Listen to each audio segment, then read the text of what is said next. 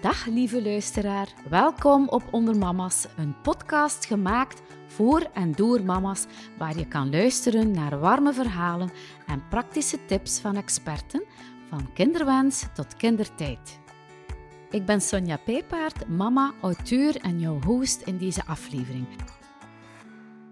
Vandaag heb ik stress- en burn-out coach Tine Kallebout te gast. Dag Tine, welkom in de podcast van Onder Mama's. Dank u wel en ik ben blij om hier te zijn. Veel ouders, Tine, hebben het gevoel dat ze vandaag te veel op hun bord hebben liggen en vinden het een hele uitdaging om een balans te bewaren tussen hun drukke werk enerzijds en het ouderschap anderzijds. En daarom hebben wij het vandaag over het herkennen van de bronnen van stress en hoe je daarmee kan omgaan. Maar voor we van start gaan, wil ik je graag even voorstellen aan de luisteraar. Tine, vertel eens, wie ben jij? Wel, mijn naam is dus Tine Kallebout. Ik ben een, een bedrijfspsycholoog eigenlijk van opleiding. En ik heb de afgelopen jaren heel wat verschillende zaken, vooral in de HR-wereld gedaan. Ik ben mijn carrière gestart in ja, een selectiekantoor, waar ik heel veel selectie, interviews en testen van mensen heb afgenomen. Nadien ben ik wat meer naar het bedrijfsleven gegaan, waar ik zowel in een groot ziekenhuis als in het jeugdwerk en vakantieopvang gewerkt heb. En de laatste jaren en dat is eh, denk ik het meest relevant voor vandaag.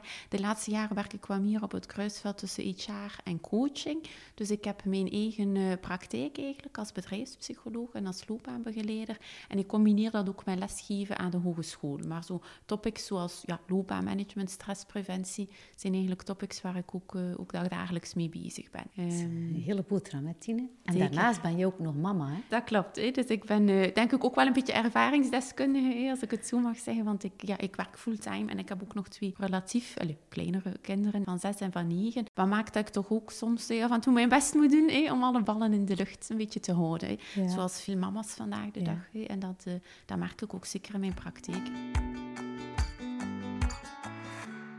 Je hebt van jouw specialisatie dan meteen ook je missie gemaakt. Ja. Stress- en burn-out preventie. Welke ondersteuning bied jij? Dat zijn verschillende vormen van ondersteuning. Dus mensen kunnen preventief, en dat is een beetje eigenlijk ook wel mijn missie, om mensen zo, zo snel mogelijk bij mee te krijgen. Want ik geloof er wel in dat er niets mis moet zijn met jou om eens de stap te zetten naar een coach of naar een psycholoog. Om daar eens over te spreken. Als je voelt van ik ben de trappers een beetje aan het verliezen, dan kan het eh, heel interessant zijn om dat heel vroeg, denk ik, aan te geven. Mijn missie is echt wel in het preventief werken bij mensen. Hè. Mijn bedrijf noemt eigenlijk Unicorn Your Life. Dus wat ik ja, met mensen doe, is, is echt vooral op zoek gaan naar hoe ze in het leven willen staan, wat een energie geeft, wat een kracht is. Hè. En daar met een coachingstraject rond doen. Hè. Dus sommige mensen komen met de insteek vanuit loopbaanbegeleiding, andere mensen doen dat meer vanuit stresspreventie. Maar alles wat ik in Unicorn Your Life doe, heeft wel te maken met toch wel energiemanagement en terugkomen zo bij jezelf.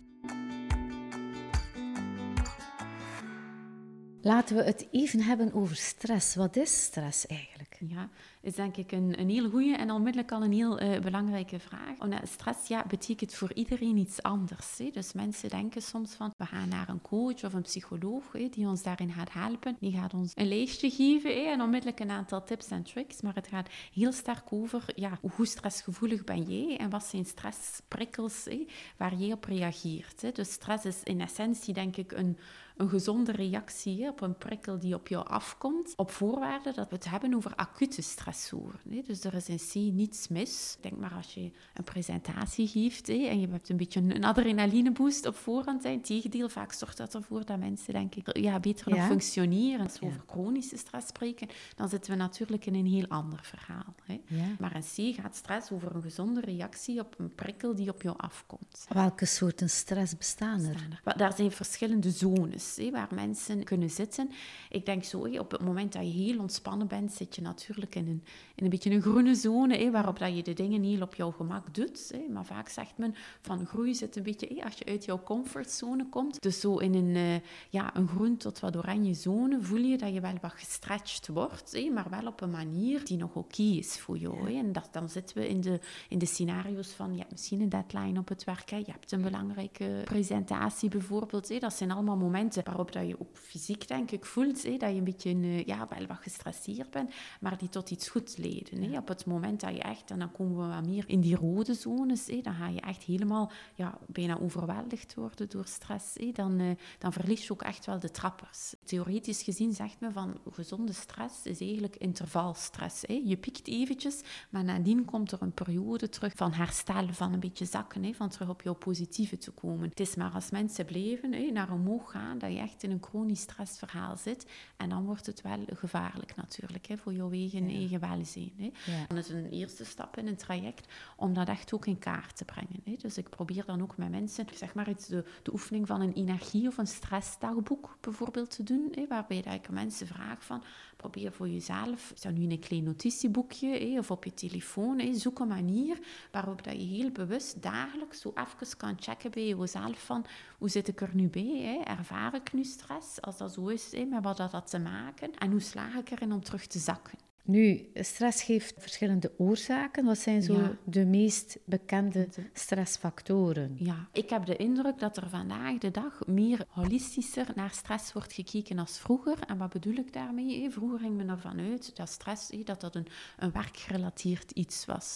Zeker stress en burn-out is ook als werkgerelateerde ziekte erkend. Dus de standaard, denk ik, eh, elementen die vaak worden benoemd. is, ja, ik heb te veel werk of ik moet te veel doen in te weinig tijd. of we zijn met te weinig mensen op het werk voor de hoeveelheid. maar ook bijvoorbeeld moeilijke relaties op het werk. Het, het fit of het klikt niet zo goed met collega's. of je voelt je niet goed gewaardeerd en ondersteund door jouw leidinggevende. Dat zijn zo'n beetje de standaard, denk ik, elementen die men vroeger vaak als stressbronnen benoemde. Maar vanuit dat holistisch denken gaat men vandaag de dag dat ook breder zien. Er zijn ook heel wat stressbronnen die niet zozeer in het werkgerelateerde zitten, maar eerder in de thuissituatie of de context kunnen zitten. Hè. Levensgebeurtenissen. Um, bijvoorbeeld, ik denk als je, ik zeg maar iets, op korte tijd verhuisd bent of je hebt een nieuw kindje gekregen, hè, wat zorgt dat de dynamiek in een gezin soms ook eventjes hè, op, op ja, onder spanning staat en terug hersteld moet worden. Hè. Maar evengoed misschien een verlieservaring. Hè. Vaak gaan stress- en burn-out scenario's ook gepaard met verlies.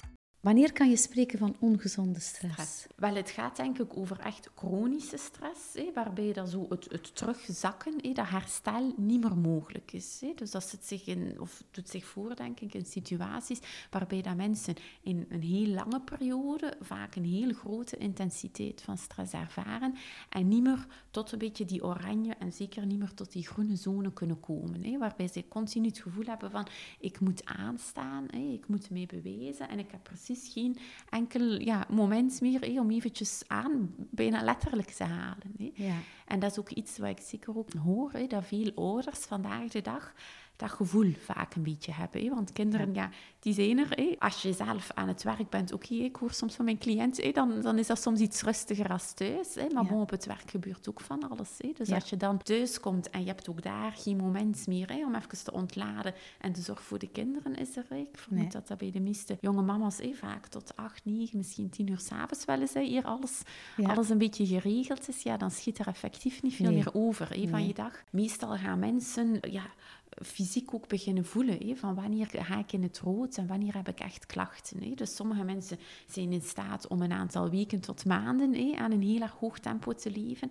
Anderen doen dat soms jaren aan een stuk. Maar meestal gaat jouw lichaam wel signalen uitzenden om ergens aan te geven van kijk, nu zit je echt op je tandvlees. Welke verschillende klachten krijg je? Kan je zo krijgen of ja. herkennen? ja. Wel, klachten kunnen zich eigenlijk uiten op verschillende dimensies. Ik denk dat hetgeen wat mensen, uh, vermoed ik, het, het, meeste, ja, het meeste zelf ook al weten, misschien op basis van wat ze zelf ooit al gelezen hebben hè, over stress, is echt zo die zeer grote vermoeidheid. Hè. Dus ik denk dat dat nog altijd een van de mm. kernsymptomen is, hè, dat mensen echt letterlijk, hè, men benoemt het ook vaak zo in de literatuur, hè, van je batterij is op, hè, je hebt geen kracht meer om voor jezelf te zorgen, laat staan om voor anderen te zorgen. Hè. Dus daar zitten zeker lichamelijke componenten, vermoeidheid, maar ook slecht slapen. Hè. Veel mensen krijgen hoofdpijn, dat er ook wel veranderingen zijn, bijvoorbeeld in interactie met andere mensen, maar ook op het mentale voor jezelf. Hè. Ook naar persoonlijk functioneren, hè. soms dingen vergeten. Hè.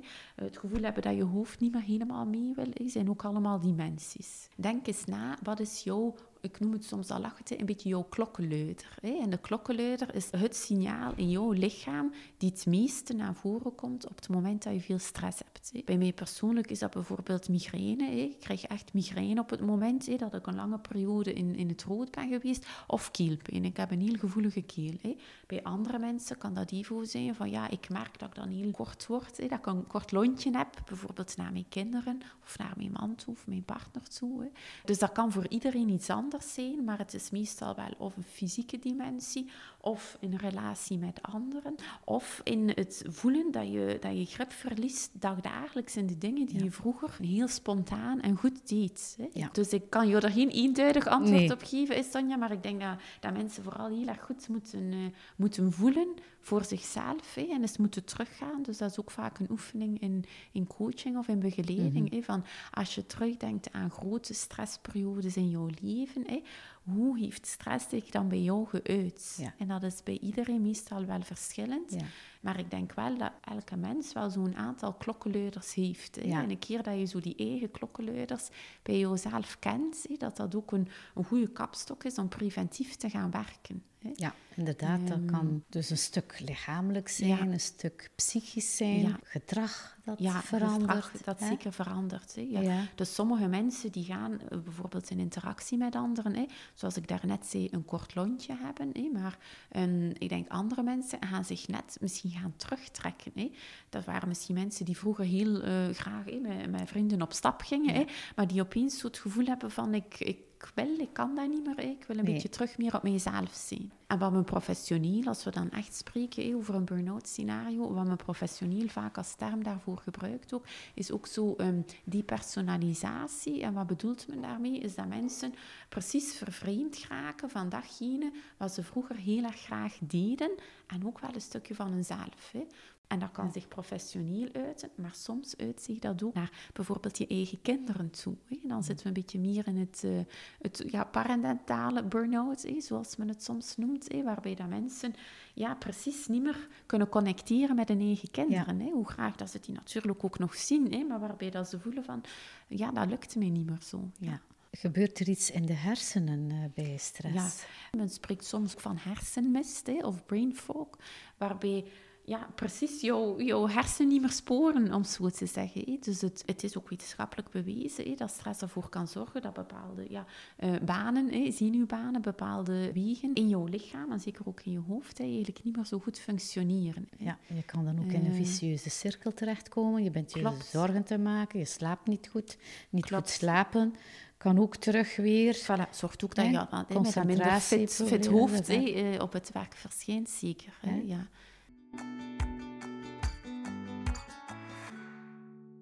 Ik hoor het vaak vallen, hè? Burn-out. Ja, Kunnen we het daar even over hebben? En wat is dat en, en hoe ontstaat een burn-out? Burn-out, ja.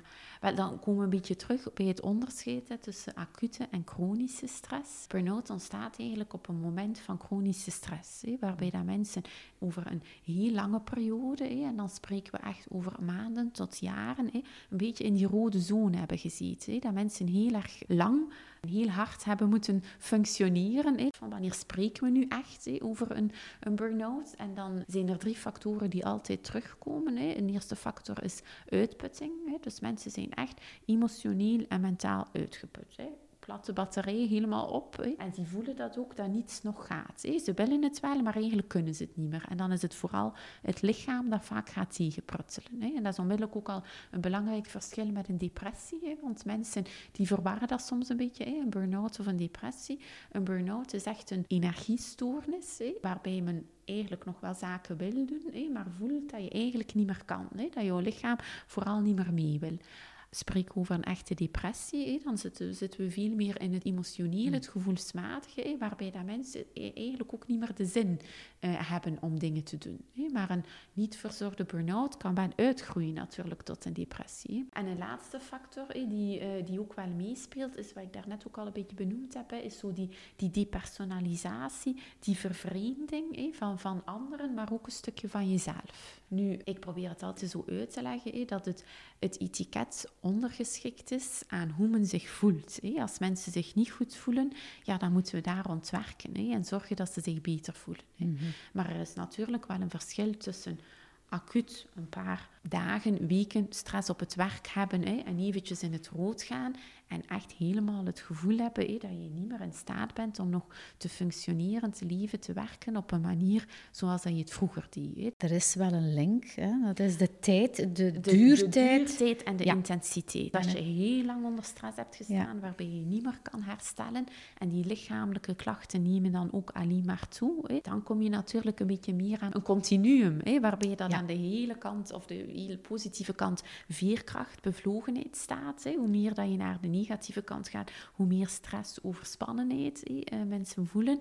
En zit je helemaal aan de andere kant, dan zit je echt in het burn-out scenario. Zo. Ja. Misschien nog een belangrijke tip als het ook gaat over ja, werkgerelateerde eh, stress proberen vermijden. We weten uit onderzoek dat onze hersenen eigenlijk niet gemaakt zijn om te multitasken. Terwijl dat dan net hetgeen is, denk ik, wat wij vaak dagdagelijks ja, heel erg veel doen. Hè.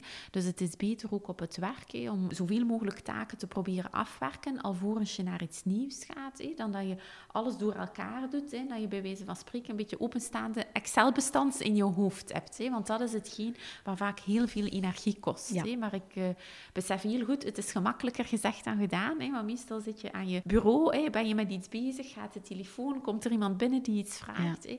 Dus daar voor jezelf toch wat proberen structuur in te brengen en daar strikt in te zijn, is echt wel heel belangrijk. hè. Kunnen Want dat, eh, afvinken vind ik ook voilà, heel ja. belangrijk. ja, hè, want dat geeft ook letterlijk voldoening. Ja, hè. Eh, inderdaad. dus eh, proberen één per één de dingen te doen. Hè, en eerst afwerken, zegt vaak hè, de, de openstaande Excels sluiten, ook in je hoofd, vooraleer dat je er een Ja. nieuwe openzet. Ja, ja, ja.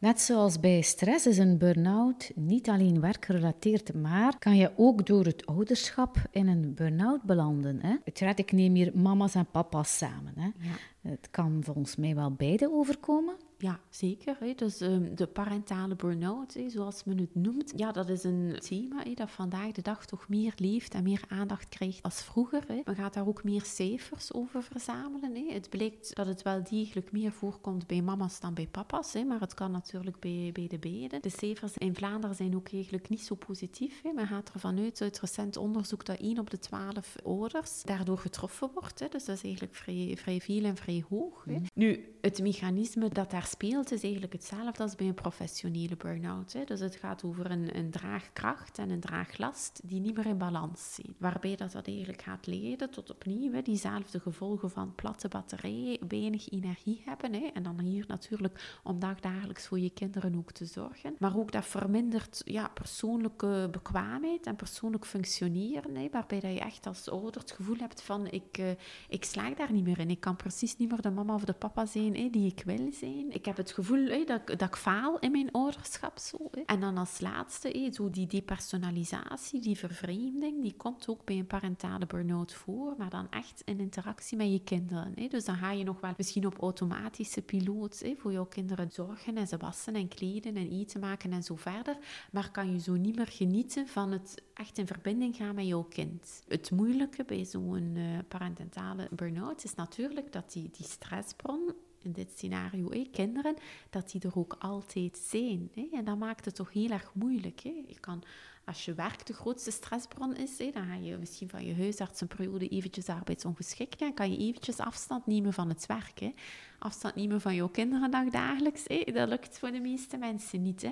En dat maakt dat dat ook net heel erg moeilijk is. Het gaat vooral over zeer betrokken ouders. En dat wil ik toch ook nog eventjes benoemen. Ook bij een professionele burn-out is dat zo. Van, ja, ik merk dat mensen, als ze echt in zo'n burn-out scenario zitten, dat mensen zich daar echt voor, voor schamen. Ja. En dat ze eigenlijk soms shame hebben om daar met anderen over te spreken. Terwijl ik dan altijd ook wel tegenwicht probeer te geven. Van het zijn niet de leukste medewerkers. Het zijn niet de minst betrokken ouders die dit overkomt. Integendeel, hè. het zijn vaak ouders die op een heel bewuste manier in het ouderschap willen staan. Hè. Die de lat ook heel hoog voor zichzelf leggen. Hè. En zorg voor kinderen en dingen samen doen met kinderen.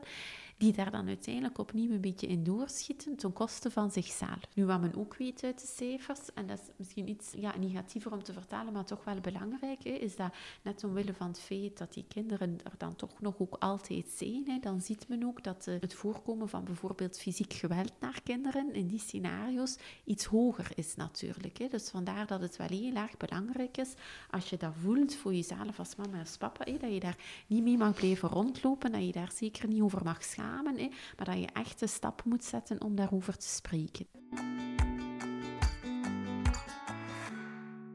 Ik denk dat ontspanning toch ook wel heel belangrijk is. Hoe breng jij dat aan? Of ja. wanneer en hoe komt dat ter sprake? sprake ja, wel, het gaat denk ik vooral over leren, ontladen en opladen. Dat voelt voor mij juister dan pure ontspanning. Wat bedoel ik daarmee? Het gaat in eerste instantie over de stress uit jouw leef krijgen. Dat heeft met eh, ontladen te maken, denk ik. En dan weet je ook dat er opnieuw verschillende dimensies zijn waarop je dat kan doen. De belangrijkste zijn opnieuw fysiek ontladen bijvoorbeeld. Mensen die zeg maar eens, goed gaan lopen en letterlijk de stress eruit lopen. Hè.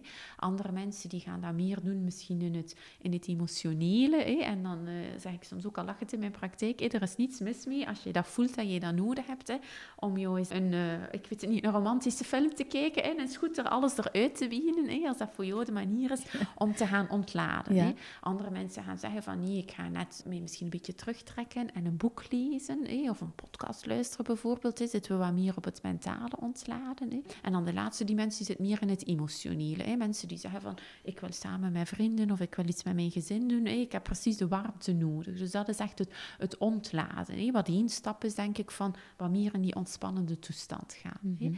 Maar wat ik wel belangrijk ook vind in een traject, is dat je dat ook kan overstegen. Hè. Want het is niet omdat je, cru gezegd, een hele avond op je gemak met het gezin Netflix hebt gekeken of een leuke film hebt gekeken. Hè. Je gaat daarvan ontspannen, maar dat wil niet noodzakelijk zeggen dat je s morgens terug met volle energie gaat opstaan. Hè? En dat is een beetje het verschil tussen ontladen en wat zakken en echt terug opladen. Hè? En zeker voor dat opladen, ja, dat is bij iedereen heel verschillend. Hè? En dan moet je denk ik ook wat, wat dieper gaan graven hè, naar wat zijn de dingen waar dat je echt energie van krijgt. Hè?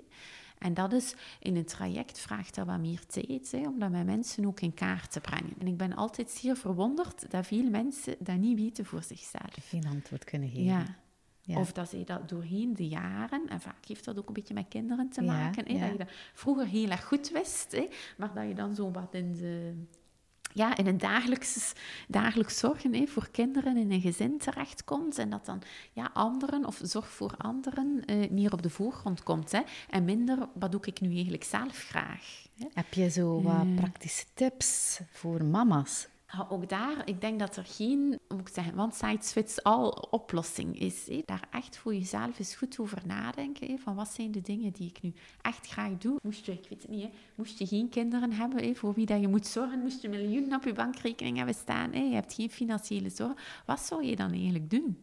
Ja. En het is in die, in die laag, denk ik, dat je moet gaan zoeken. Van wat zijn de dingen die jou echt, echt energie geven structuur in je dagelijkse leven. Is dat ook zo eentje dat kan helpen? Ja, want dat, zijn wel, dat gaat wel over, denk ik, een aantal basics die wel zeker kunnen helpen. Hè. Dus ik denk, structuur, rust brengen, ook in een druk gezinsleven, hè, is iets wat jou helpt, denk ik, als ouder maar wat zeker ook uh, kinderen mee gaat helpen. Hè? Als we het dan hebben over praktische tips, hè, wat ik ook met cliënten vaak doe, is nadenken over ja, hoe, hoe zit dat bij jullie in het gezin? Hè?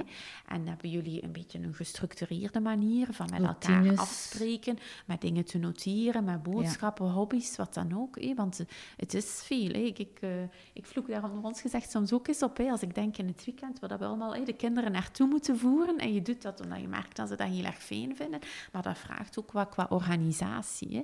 Dus uh, een, denk ik op een zichtbare plek een goede kalender, hè, een beetje een overzicht van wie moet waar naartoe, welk uur en wie, uh, wie doet dat. Hè. Het is een basic, maar toch wel heel belangrijk. Ja.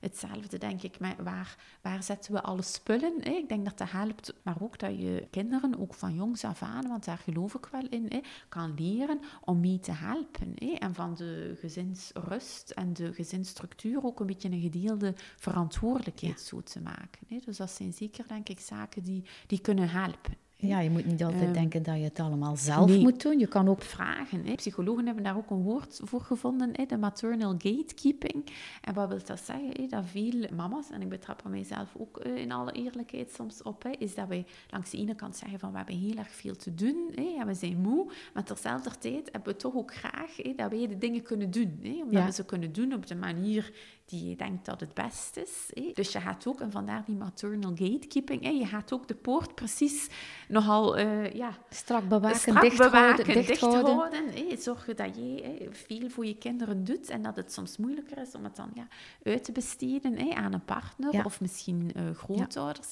omdat die toch op een iets wat andere manier doen. Hè. Dus ik denk dat ook daar, hè, als het gaat over wat kan je zelf doen om rust, om structuur te bewaren, hè, dat je ook eens heel eerlijk moet durven toegeven aan jezelf van wat kan ik doen mm. en wat is eigenlijk misschien ook voor mij te veel. Hè? En als je het dan uitbesteedt, dat je ook moet aanvaarden. Het is voor mij ook nog altijd een les. Hè? Mijn man doet ook niet altijd de dingen hè, op de manier waarop ik ze doe, maar dat ik het dan wel zie in de zin van ik heb hulp gekregen, hè? het is gebeurd. En oké, het is dan misschien niet helemaal zoals ik het zou doen, maar het is wel gebeurd. Ja.